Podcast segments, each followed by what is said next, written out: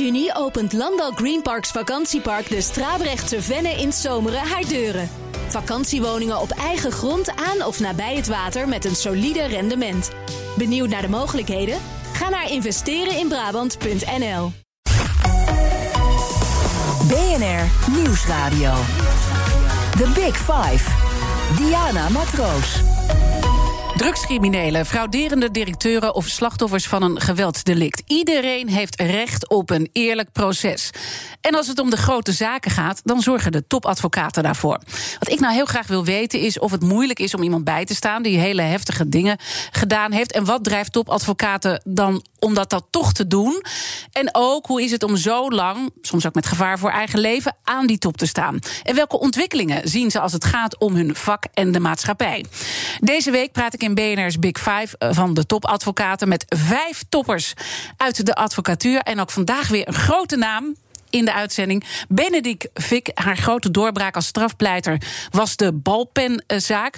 Toen ze Jim T. vrij kreeg, die ervan werd verdacht zijn moeder te hebben vermoord. door een balpen met een kruisboog in haar oog te schieten. Maar later volgden andere grote zaken, zoals het bijstaan van topcrimineel Dino Sorel. en kickbokser Badr Hari. En ook iets heel anders. Ze voerde jarenlang een zaak tegen de tabaksindustrie. Van harte welkom. Hallo. We hebben afgesproken te tutoyeren, want dat vind je zelf uh, heel erg uh, fijn. Mm -hmm. Ik noemde al een hele rijke carrière op, maar die balpenzaak is ontzettend belangrijk geweest, want het mm -hmm. was toch een, een doorbraak. Wat was er voor jou belangrijk aan? Nou ja, een doorbraak. Het is niet helemaal zo. Misschien was het een doorbraak voor het publiek. Uh, maar het was voor mij zeker niet een. Het was een hele bijzondere zaak. Dat uh, ongetwijfeld. Maar voor mij was het niet een doorbraak. Ik had eerder. Het was wel je eerste mediaoptreden. Het was ik. wel mijn eerste echte mediazaak. En dan ook echt meteen een bom. He, ik bedoel, ik kan me wel. Het is heel lang geleden. Ik weet altijd precies hoe lang het geleden is. Omdat mijn zoon geboren werd toen de zaak twee weken uh, na de uitspraak van het Hof. toen uh, Jim T. eindelijk uh, vrijgesproken dus werd. stond daar hoogzwanger? Ik stond daar uh, uh, super hoogzwanger. ik dacht, ik, krijg, ik baar een kind uh, in de rechtszaal. Maar dus ik weet altijd precies hoe lang het is geleden. En mijn zoon is nu 25. Dus het is 25 jaar geleden. En het zegt ook iets over het verloop van de tijd. En over de relativiteit van ja, hoe snel een leven ook voorbij gaat eigenlijk. En dus alles gaat voorbij. Ja, die dus, dus ook. menselijk ja, is ook... Ja, ja, ja, nou, maar volgens mij is die carrière nog lang niet voorbij, toch? Nou, ik hoop het niet. Nee. zolang ik gezond van geest ben, wil ik dat uh, blijven ja. doen. Ja. Uh, het is in ieder geval een roemruchte zaak. Het speelde in 1996 dat die zaak ook heropend uh, werd, of tenminste weer opnieuw ging rollen. En het is nog steeds voor voor juristen, want eerst leek het een bizar ongeluk voor de mensen die toch denken: oh ja, hoe zat het ook alweer?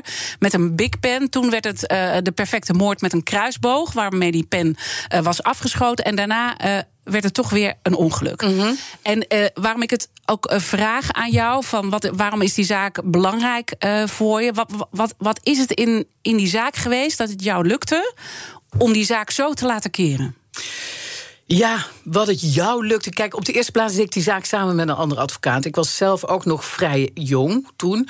Um, dus de, de, de, nou, het, lukte dan. ons. Hè? Ja, het lukte jullie. ons. Nou, het Openbaar Ministerie had niet gedaan wat ze hadden moeten doen. Dat is uh, uh, zonder meer het geval geweest. In eerste aanleg dachten wij ook dat uh, onze cliënt zonder meer zou worden vrijgesproken. Want er was eigenlijk alleen maar de uitspraak van een psycholoog. Die zei: Ja, Jim T. heeft aan mij gezegd dat hij zijn moeder met een bruis, kruisboog uh, het verschieten van een balpen zou hebben vermoord. Nou, op de, ik bedoel, alles wat je ook vindt van therapeuten, hè, bedoel, in overdrachtelijke zin kun je van alles in therapie vertellen. Ik bedoel, het zegt helemaal niks. En het Openbaar Ministerie leunde dus heel erg op een therapeutisch, mm -hmm. uh, multi-interpretabel, niet eens vaststaand uh, uitspraak ja. van een therapeut. Is dat, dat ook was... de reden dat je dit soort zaken doet? Dat mensen soms wel iets zeggen dat ze gedaan hebben op basis van één verklaring. Ja, nou ja, je moet, je moet toch, je, je mag echt alleen maar veroordeeld worden als er uh, voldoende onomstreden sterk bewijs is. En die overtuiging daar ook op gebaseerd kan worden. En in deze zaak uh, was dat in onze visie uh, verre van het geval. En die jongen die werd uh, in weerwil van wat we hebben bepleit in eerste aanleg, werd hij veroordeeld tot een gevangenisstraf van 12 jaar. En die zaak die had best wel verkeerd af kunnen lopen, waren het niet. En ik denk wel dat dat ook de taak is van een advocaat, dat we iets bedacht hebben, iets gedacht hebben, er moet op technisch gebied iets gebeuren. Wij moeten aannemelijk maken dat de theorie van het Openbaar Ministerie dat er een moord is gepleegd, dat dat niet klopt. En, en hebben jullie iets heel creatiefs gedaan? Dat hebben we best creatief gedaan. We hebben toen kruisbogen gekocht, verschillende kalibers kruisbogen en heel veel big pennen. En die zijn gebracht naar oogspecialisten uh, in een ziekenhuis. En die hebben, buiten aanwezigheid van de verdediging, hebben die op geprepareerde hoofden. Toen kon dat nog, dat zou nu één grote rel betekenen. Maar die hebben dus die pennen verschoten. En de resultaten van die onderzoeken die waren ja, hallucinant. Want wat zagen wij aan die pennen? Wat werd er in dat rapport beschreven? Dat uh, de, dus de Big Pen in het hoofd van de overleden moeder was totaal spoor, eh, sporenloos. dus de, de, de, de inkt zat op de plek en het puntje zat in de, in de. Dus er was helemaal niks met die pen gebeurd. En al die pennen die verschoten waren op die, uh, uh, in die proef, die vertoonden allemaal dezelfde sporen. En al die sporen waren zeer opvallend. De, de, de punt van de pen die was uit de pen geschoten. De inkt in het dingetje aan die pen, was er aan de andere kant weer uitgespat. Dus het kon nooit zo zijn. En de, de vader van mijn cliënt is natuurkundig, dus die heeft dat ook helemaal verklaard. Uh, hoe, dat, hoe je dat dan moet mhm. zien. Nou, het kon dus nooit zo zijn dat een, een pen zonder enig spoor het resultaat zou kunnen zijn van het verschieten door middel van een kruisboog. En dus werd het een ongeluk? En dus, um, nou, zo, zo uh, redeneert een rechter niet. Hè? Nee. Een rechter zegt, er, en dus kunnen we niet bewijzen dat het een moord is. Ja. Dat het een doodslag is. Of Overigens wordt er nog steeds over gediscussieerd. Hè? Want dit is voer voor juristen. Ja, en elke keer komt er uh, weer iets. Ja. In het tv-programma Doden liegen niet onderzocht forensisch patholoog Frank van der uh, Groot. ja, die drie scenario's. En toen had hij toch weer zoiets. Het is die Ja. Nou, ik denk dan ook wel eens, uh, zo'n zaak is voer voor mensen, maar zo'n zaak is ook voer voor speculeren. En deze meneer Van der Groot, die was niet op de zitting aanwezig, die heeft gewoon een hoop aspecten van de zaak ook gemist. Uh, dus um, ja, dan denk ik, uh, ja, maak geen televisieprogramma over een zaak die afgedaan is door een rechter. Laat iemand ja. ook met rust. Creativiteit is dus belangrijk. En de Schumann-sigaret gaan we het zo over hebben. Dat was natuurlijk ook een hele creatieve vinding uh, waar je op bent gekomen. Vast ook weer samen met anderen. maar als het om die eigenschap gaat, creativiteit is belangrijk. Ik zag ergens dat intuïtie voor jou ook heel erg belangrijk is. Dat je uit zo'n dossier precies de juiste juiste dingen haalt. Maar dat je ook het leuk vindt om ruzietjes uit te lokken. Nou ja, dat kan soms zinvol zijn. Je moet ook natuurlijk wel weten wanneer je het vooral niet moet doen. want als je dat doet met iemand die niet van ruzietjes houdt, dan kan dat wel eens een reden zijn om iets niet te krijgen wat je wel wil. Maar um, soms kan het iets loskloppen wat nodig is voor een verder verloop van de zaak. Um, nou ja, je moet in ieder geval wel. Uh, uh, uh, ja, je moet je moet wel een beetje durven. Als je in het strafrecht werkt, moet je niet bang zijn. Je moet niet bang zijn om onorthodoxe ideeën te ventileren en om mogelijkheden aan te voeren waarvan anderen zeggen van ja, sorry, maar dat is toch helemaal in strijd met de jurisprudentie, bla bla bla. Kijk, er ontstaat natuurlijk nooit iets als je alleen maar de, um, de, de hoogste rechters naaapt. Dan ontstaat er niks. Dus er moet wel wrijving ontstaan. Er moet iets ontstaan dat je en ruzie is daarvoor een middel om dat een nou, beetje functionele, te lokken? Functionele ruzie. Eh, en niet ruzie, ik zou het woord ruzie niet... maar je moet natuurlijk niet alleen maar binnen de lijntjes denken. Ja, je bent niet voor het harmoniemodel. Nee, totaal niet. Nee, totaal niet. Uh, en, en wat je ziet is dat, uh, dat je ook heftige reacties oproept. Ja, ik roep ook heel veel haat op, maar ik ben dan ook een uh, een vrouw. Ik denk, ja, dat zeg ik heel cynisch. Ja? ik denk, kijk, de, de, eh, de meeste haat roep ik altijd op bij de, um, uh, zeg ik, de, de, de witte man tussen de 40 en de 70, volgens mij. Tenminste, als ik zo de anonieme. Wat is dat? ja, ik, weet, ik weet niet wat dat is. Ze vinden mij sowieso een. Nou, toen in de, in de tijd dat ik de Hari bij stond, nou, dit, het racisme. En, ja, maar dat gaat dan nog een stap verder. Dat, dat is, dat is dus. Dat Marokkanenhoer werd je genoemd genoemd. Marokkaan. Hoe, uh, dat was nog mild. Ja, dat was nog mild. Maar ik bedoel, ik, op de een of andere manier roep ik heel veel agressie op. En ik weet niet altijd waarom dat is. Want volgens mij ben ik ook best wel uh, redelijk. En uh, ook best aardig. Maar ik roep gewoon agressie op. En ik denk dat dat komt omdat ze denken van... hou jij je grote bek even. Dat dat ook een rol speelt. Dat, een, um, dat iemand niet zo'n grote bek moet hebben. En dat, de, dat een bepaald... Be bepaald type mens. Ja. Die willen gewoon dat vrouwen hun bek houden. En dat. dat Nog dat, steeds. Nog steeds. Ja, of zie je het beter worden? Nou, soms zie ik het ook erger worden, eerlijk gezegd. Oh Want door die hele ontwikkeling op social media komen de ratten ook uit hun holen. En zie je uh, dan um, uh, ja, dat de drek wel uh, ook nog stinkender wordt. Dus het is niet alleen maar beter aan het worden. Raakt het je? Um, het, nee, maar het valt me natuurlijk wel op. En ik vind het eigenlijk te zot voor woorden dat dit nog steeds een fenomeen is. En er zit ook iets onbewust in. Ik denk dat heel veel mensen gewoon het überhaupt niet, niet van zichzelf denken. dat, mhm. ik denk dat het ook met racisme zo is. Ik betrap mezelf daar zelfs op. Dat je gewoon sommige dingen die zijn zo Um, daar, daar ben je, daar, er gebeurt iets als je opgroeit. Als je opgroeit, gebeurt er iets waardoor mensen in bepaalde frames denken. Ik, zou, ik, zag, ik zat gisteren zat ik een artikel te lezen in een van de kranten op, op internet, he, op, online. En er was, een, er was een onderzoek dat had plaatsgevonden um, uh, over verkrachtingen die plaatsvinden tussen onder studenten. En mm op de tien studenten die zou dan verkracht worden, overweldigd worden in uh, haar, het ging over meisjes, haar studententijd. En de foto die daarbij werd afgebeeld, dat was de arm van een zwarte man en de uh, de dunne arm van een witte vrouw. Ja. En ik kende een van die journalisten, dus ik zeg: Sorry, maar is dit een bewust frame of wat doe jij? Ja. Dus dat denk je daar überhaupt, hè, denk je daarover na? Dat is eigenlijk ik denk daarover na, ja. Nee, maar denkt die journalist daar ook over nou, na? Ik denk het dus. Nou, hij zei dat is, een, dat is onbewust geweest. Ja. Dus we hadden het daarover. Hij zegt het is onbewust geweest. En het is toch iedere keer weer die boodschap die uitgezonden wordt. En waar we allen door vergiftigd worden. En we worden ook. ik bedoel, ik zie. Ik had laatst een ervaring met een jongetje op, op, op straat. Een jongetje van tien. Gewoon echt tien jaar. En ik had zo'n klingeltje. Ik doe heel veel op de fiets, dus een klingeltje mag ik even langs. Zo'n klingeltje. En die kijkt mij zo aan. Die, die, die heeft dan zo'n bepaald ding. En zegt hij: Je maakt mijn hoofd heet, ja. Echt zo. ja. Dus die werd echt woed. Ik zeg.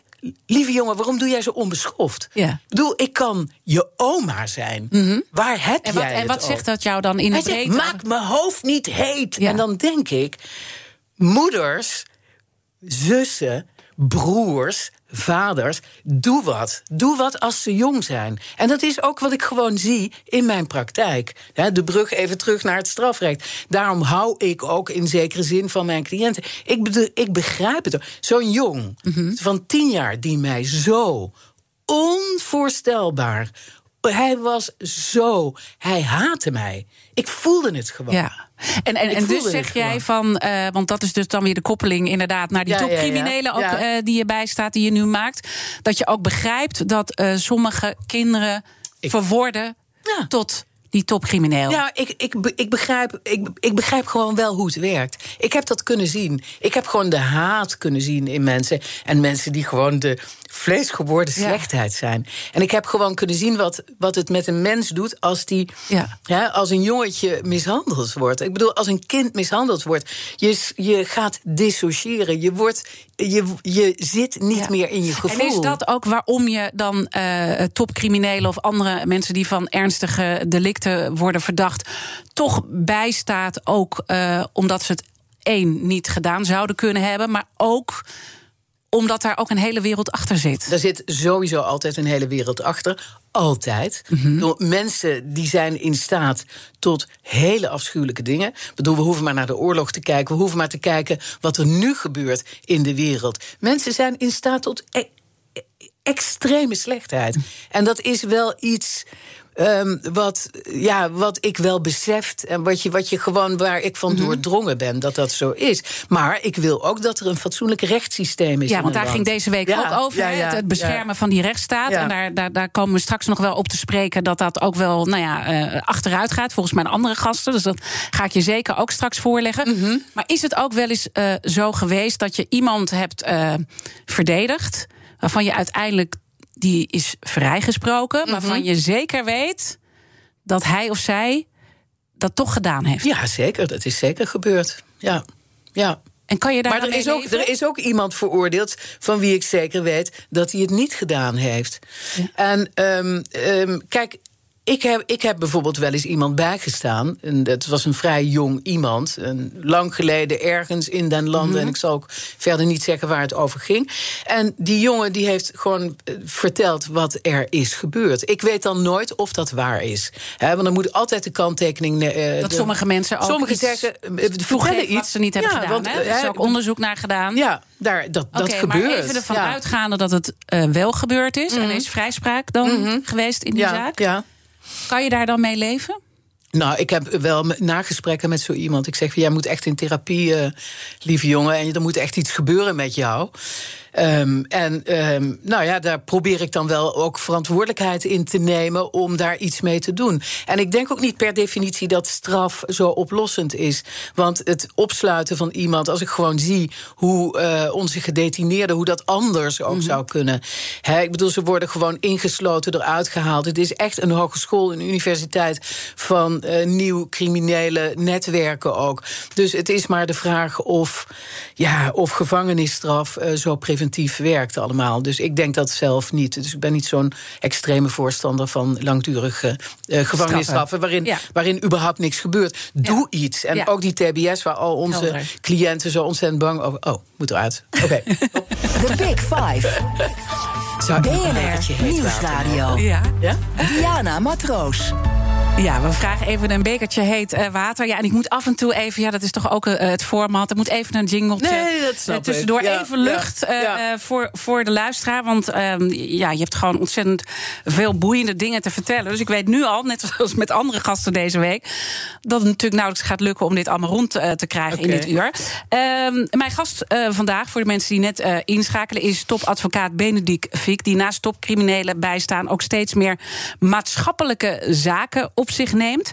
En een van die uh, bekende zaken waar we nu bij beginnen... in het tweede deel gaan we het over Tata Steel hebben... maar laten we beginnen met uh, de tabaksindustrie. Uh, toen je daarvoor benaderd werd... Mm -hmm. Dacht je meteen, dit ga ik doen? Ja, zeker. Ik werd benaderd door, een, um, door door een hele vastberaden zieke jonge moeder met vier kinderen, Annemarie, inmiddels overleden. En Annemarie die werd vergezeld van de zeer inspirerende Wanda de Kanter. Uh, ja, ik heb haar ook misschien... Uh, geïnterviewd ja, hier precies, bij vermoedelijk wel bekend. En uh, zij vroegen mij van, is het eigenlijk wel... Um, uh, zou het misschien niet eigenlijk ook een strafbaar feit zijn wat die tabaksindustrie flikt? En uh, nou, ik vond dat een ontzettend prikkelende vraag. Want ik ben zelf een ex-verslaafde. Dus ik ben een ex-junk, sigarettenjunk. Ik ook. ik, ben, ja, ik heb 30 jaar gerookt.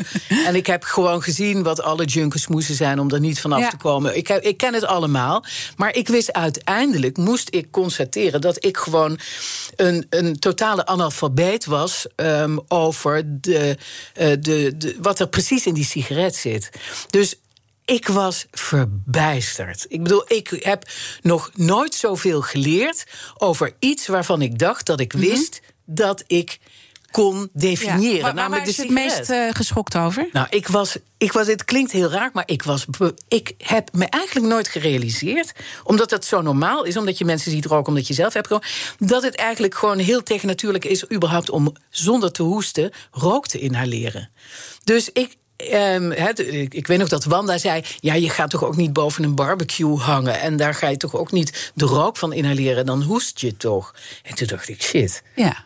Dit is inderdaad gewoon zo raar. En waarom kun je roken? Omdat die duivelse uh, tabaksfabrikanten, die stoppen daar anti-hoestmiddelen in.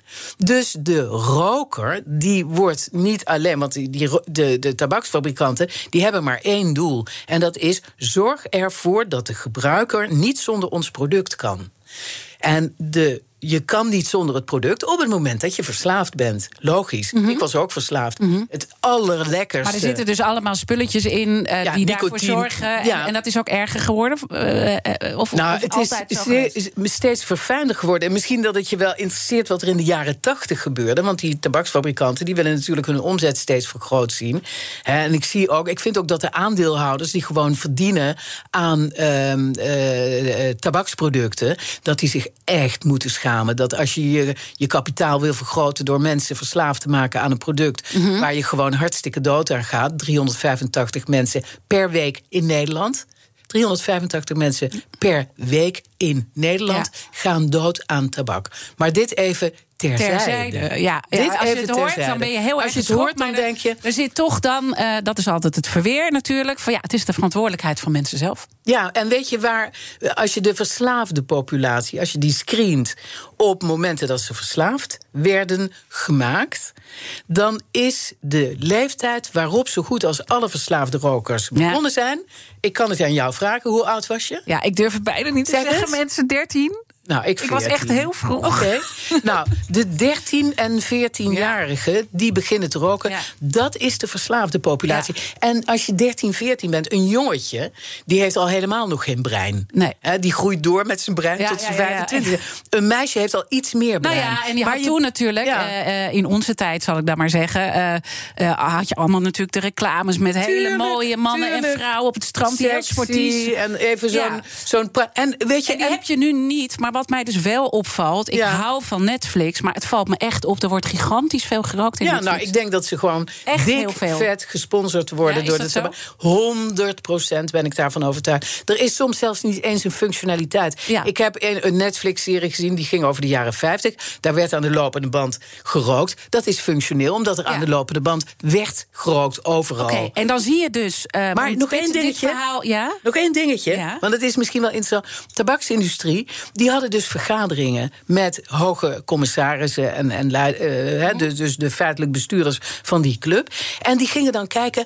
Uh, waar kunnen wij nog meer verslaafden creëren? En dan gingen ze zoeken, en dat waren dus de vrouwen en de zwarte mensen die rookten ook te weinig. Want die de vrouwen willen lekker ruiken, zeiden ze. En zwarte mensen willen lekker ruiken, zeiden ze. Ja. Dat hebben ze toen bedacht. Het is commercie, uh, commercie natuurlijk. Pure commercie. Dat hebben ze toen bedacht. Toen hebben ze de menthol-sigaret bedacht.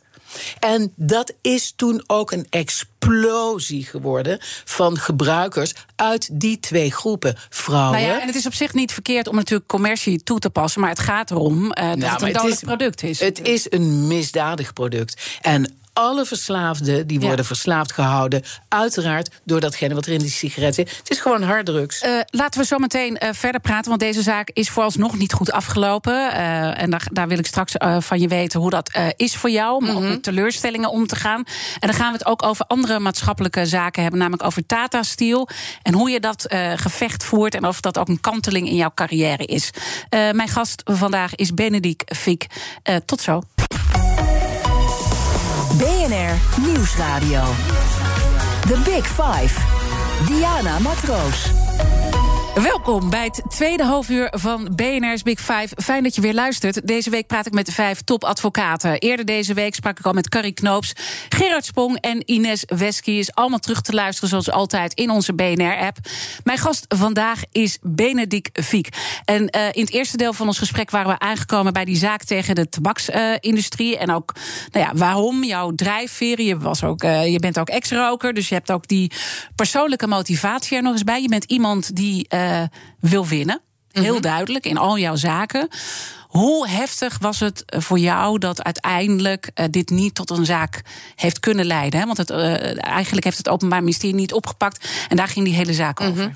Nou, dat was wel, dat vond ik echt wel heel heftig eigenlijk. Ik had ja, ik had het ze ook zo gegund, de tabaksindustrie, dat ze als verdachte van het plegen van strafbare feiten uh, op het verdachtebankje zouden hebben moeten plaatsvinden. Nou, dat was even moeilijk te verwerken, maar ik kan ook wel goed met nederlagen omgaan, moet ik eerlijk zeggen. Dus ik heb een, uh, denk ik, twee weken. Uh, ja, uh, ja, gefrustreerd gevoeld. Ja, wat, wat gebeurt er dan als jij je twee weken gefrustreerd voelt? Ja, gewoon ja, gefrustreerd. Dat moet gewoon extra uh, even sporten en ook denken aan andere dingen, waardoor ik me weer goed en mhm. strijdbaar voel.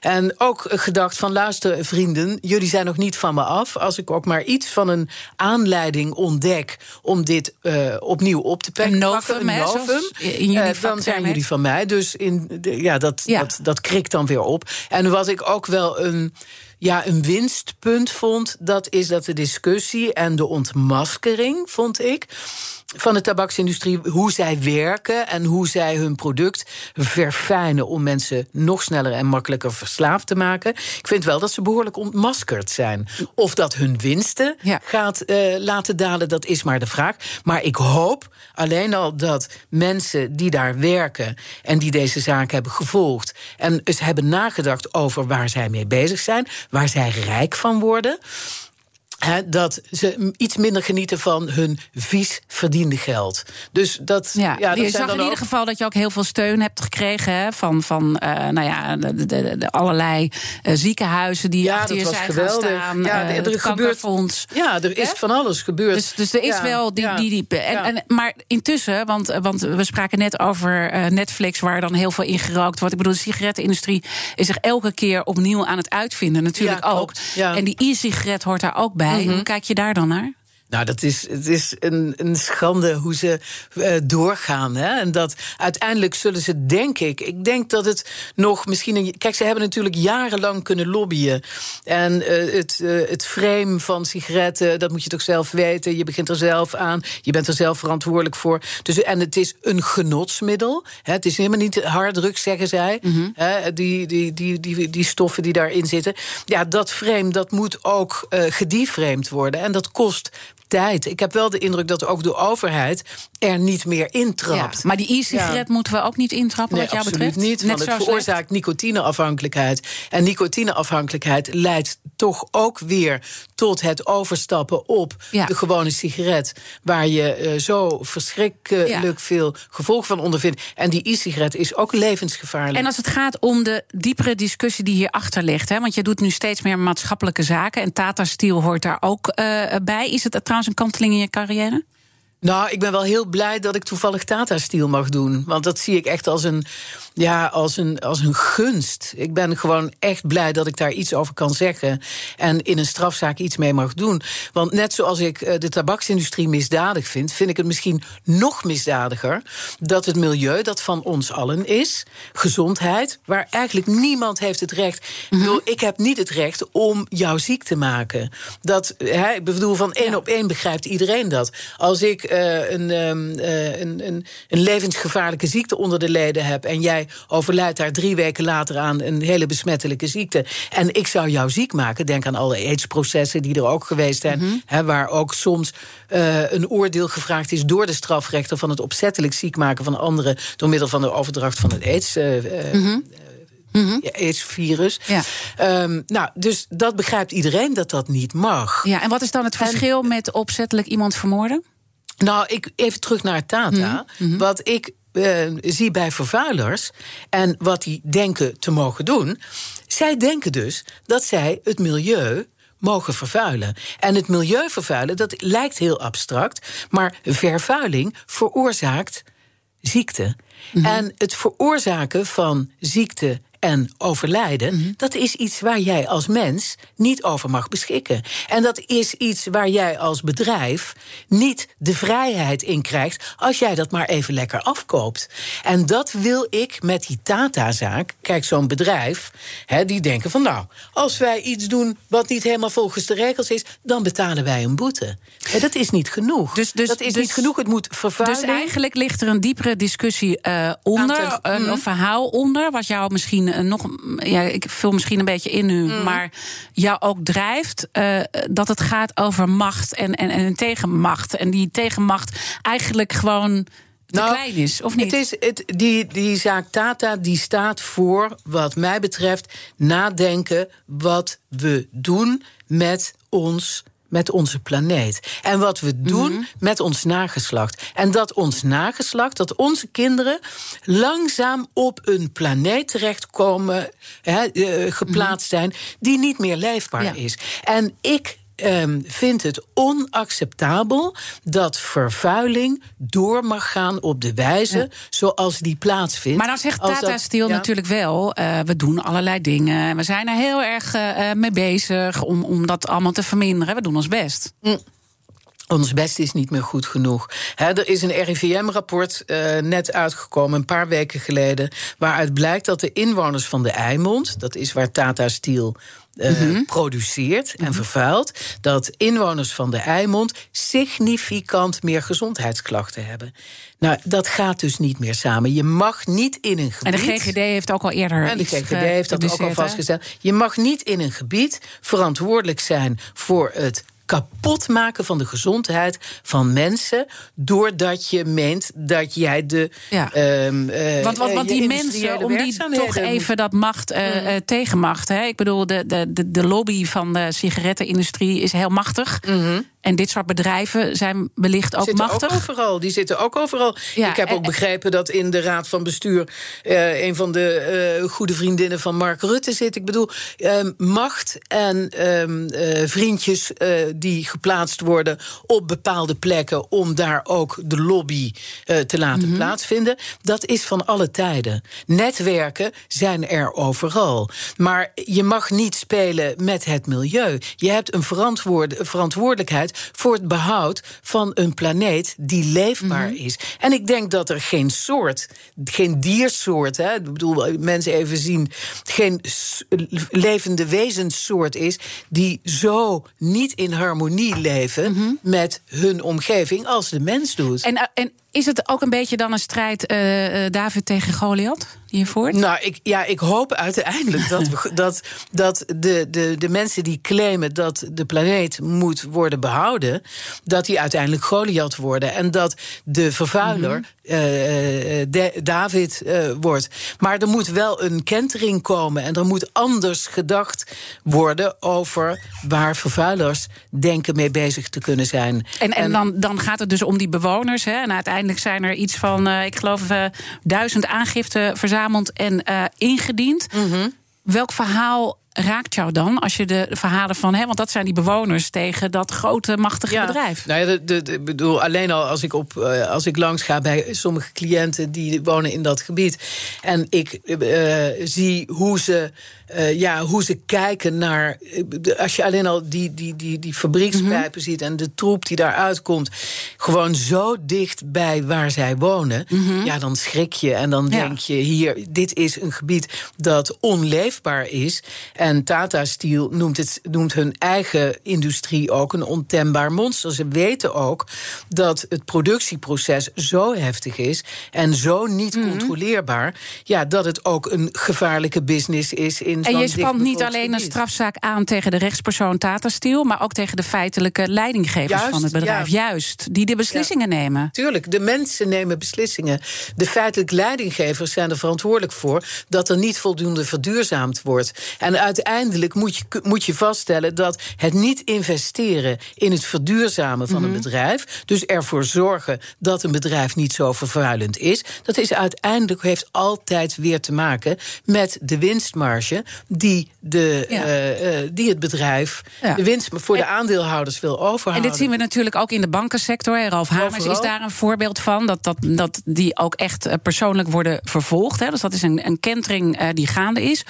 Hoe kansrijk belangrijk denk je nou dat deze zaak is? Of wat zijn jouw learnings eigenlijk met de tabakzaak? Want die mhm. ga je bij Novum wel weer oppakken. Hè? Maar mhm. de, de, de, nou ja, er waren ook allemaal kritische geluiden rond die zaak. Dat je dan die aanklacht iets anders had moeten formuleren. Nou, ik kan dat niet beoordelen. Mhm. Ik ben geen jurist. Uh, maar, maar wat zijn de learnings van die zaak... waardoor je bij Tata Steel wel dat succes kan maken? Nou ja, bij Tata Steel is het eigenlijk veel gemakkelijker. Omdat bij Tata Steel vastgesteld al is... door de omgevingsdienst van de provincie... dat Tata um, uh, overtreding op overtreding op overtreding op overtreding van de regels um, uh, veroorzaakt heeft. En die vastgestelde overtredingen die maken dat een bepaald juridisch leerstuk mm dat moeizaam was in de tabakszaak, in de Tata-zaak veel minder moeizaam zal zijn. Dus de kans van slagen is groot? De kans van slagen is veel groter. Dat er leidinggevenden de cel in gaan? Nou, de, als dat. Ik bedoel, het is niet per se noodzakelijk dat de feitelijk leidinggevers in de cel belanden. Maar het is wel per se noodzakelijk dat vervuilers beseffen dat het strafbaar is om een omgeving te vervuilen als daardoor de bewoners ziek worden gemaakt. Ja, Ivan. BNR Nieuwsradio. Nieuwsradio. The Big Five. Je luistert naar BNR's Big Five van de topadvocaten. Mijn gast vandaag is Benedict Fiek. En mijn gasten stellen elkaar vragen via de kettingvraag. In de vorige aflevering sprak ik uitgebreid met Ines Wesky. En die had deze vraag voor jou. Is er nog hoop voor het recht? Wat is haar idee daarbij? Je moet nu heel hard lachen, waarom? nou ja, ik ken Ines natuurlijk, want ik zit ook wel met zaken in, in dezelfde zaken. Dus ik moet, uh, moet wel lachen om die vraag. En ook de, de, de, de manier waarop ze het vraagt. Dus ik, ik, eh, en wat zit daar dan achter? nou, omdat het echt wel des Ines is om die vraag zo te stellen.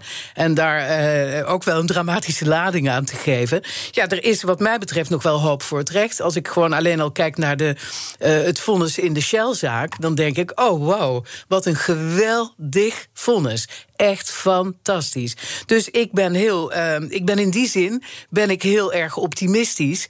En kijk ik niet alleen maar naar het strafrecht. Dus ik weet niet waar haar totale desillusie op gebaseerd is. Nou ja, maar dat, zijn wel punten uh, uh, die ik jou trouwens ook in het verleden wel heb mm. horen noemen. Dat het Openbaar Ministerie steeds meer zaken oprekt, steeds meer macht krijgt. Mm -hmm. ten opzichte eigenlijk van dat individu. Die, mhm. En trouwens, Carrie Knoops zegt hetzelfde in de uitzending. En Gerard Spong ook. Mm.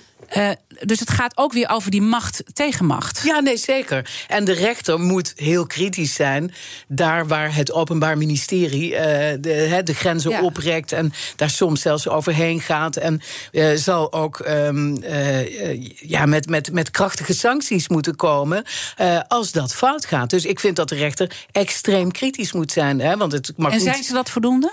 Nee, dat is, dus ze zijn dat zeker niet voldoende. Maar als ik naar het recht kijk, kijk ik niet alleen maar ook naar het strafrecht. Dan kijk ik ook naar de mogelijkheden die er zijn op civielrechtelijk gebied. En dan mhm. zie ik ook dat bijvoorbeeld op milieugebied er gewoon hoopvolle vonnissen worden dus gewezen. Daar is waar jij je hoop ja, eh, en daar, daar vestig ik mijn hoop op. Maar ik denk dat de Hoge Raad veel kritischer zou moeten zijn. En dat de Hoge Raad uh, de grenzen veel meer zou moeten bewaken. En, Waarom? Uh, omdat de Hoge Raad natuurlijk toch de de, de, de, rechtsprekende hoogste instantie is, die um, uh, sancties uitspreekt die feitenrechters zouden moeten verbinden aan bijvoorbeeld vormverzuimen die begaan zijn mm op uh, feitelijk niveau. Maar doen ze dat dan onvoldoende? Vind ik wel. Ik vind dat de Hoge Raad. Um, ja, heel veel toelaat. En dat daar weinig uh, gebeurt. Waar blijkt dat uit? Uit. Nou, kijk, stel dat het Openbaar Ministerie ligt. En je ontdekt de leugen. En de leugen wordt um, hersteld uh, tijdens een proces. Dan is het niet zo dat het Openbaar Ministerie afgestraft wordt met een bepaalde sanctie. Dat bijvoorbeeld het, het, het Openbaar Ministerie niet ontvankelijk wordt verklaard. Dat is een sanctie. He, dus niet meer het recht heeft om verder te vervolgen. Daar is de Hoge Raad veel te soepeltjes in.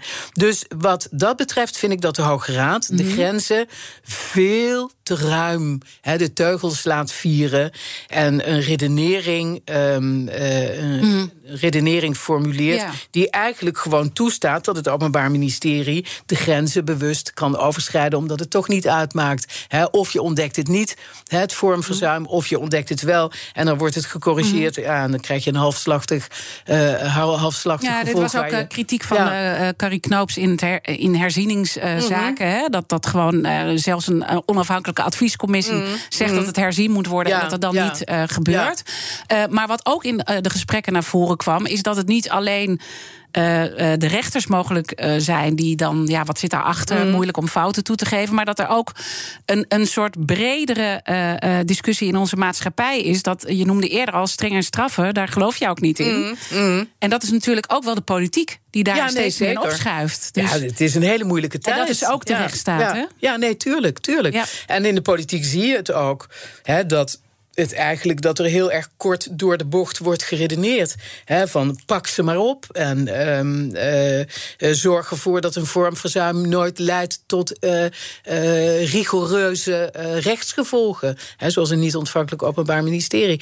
Dus er is op alle mogelijke fronten um, is er een verharding die ook um, van invloed is op de wijze waarop een strafproces zich ontrolt. Ja. Dat, dat klopt. Dus dat is er, maar gelukkig is er ook die hoop. Ja en die zie je met name bij andere type zaken en niet per se uh, bij strafzaken. Mm -hmm. Uh, de kettingvraag gaat ook door. Uh, morgen dan sluit ik de week af met Marie de Gaai Fortman, topadvocaat natuurlijk in de zakelijke wereld. Dus dat is mhm. even een ander perspectief. Wat zou je aan haar willen vragen? Ik zou aan haar willen. Ik heb gezien dat zij commissaris is bij Schiphol. En uh, Schiphol is natuurlijk een van de grote vervuilers van um, het uh, zeer druk bevolkte uh, westen van ons land. Um, en Schiphol is ook een van, um, ja, een van de spelers op mondiaal gebied. He, vliegen is ja, niet meer van mm -hmm. deze tijd vind ik. Ik vind dat de verantwoordelijkheid heel erg groot is om Schiphol uh, het zo moeilijk mogelijk te maken. Om mensen zich bewust te maken dat ze niet voor snoepreisjes voor een weekend naar Barcelona moeten vliegen.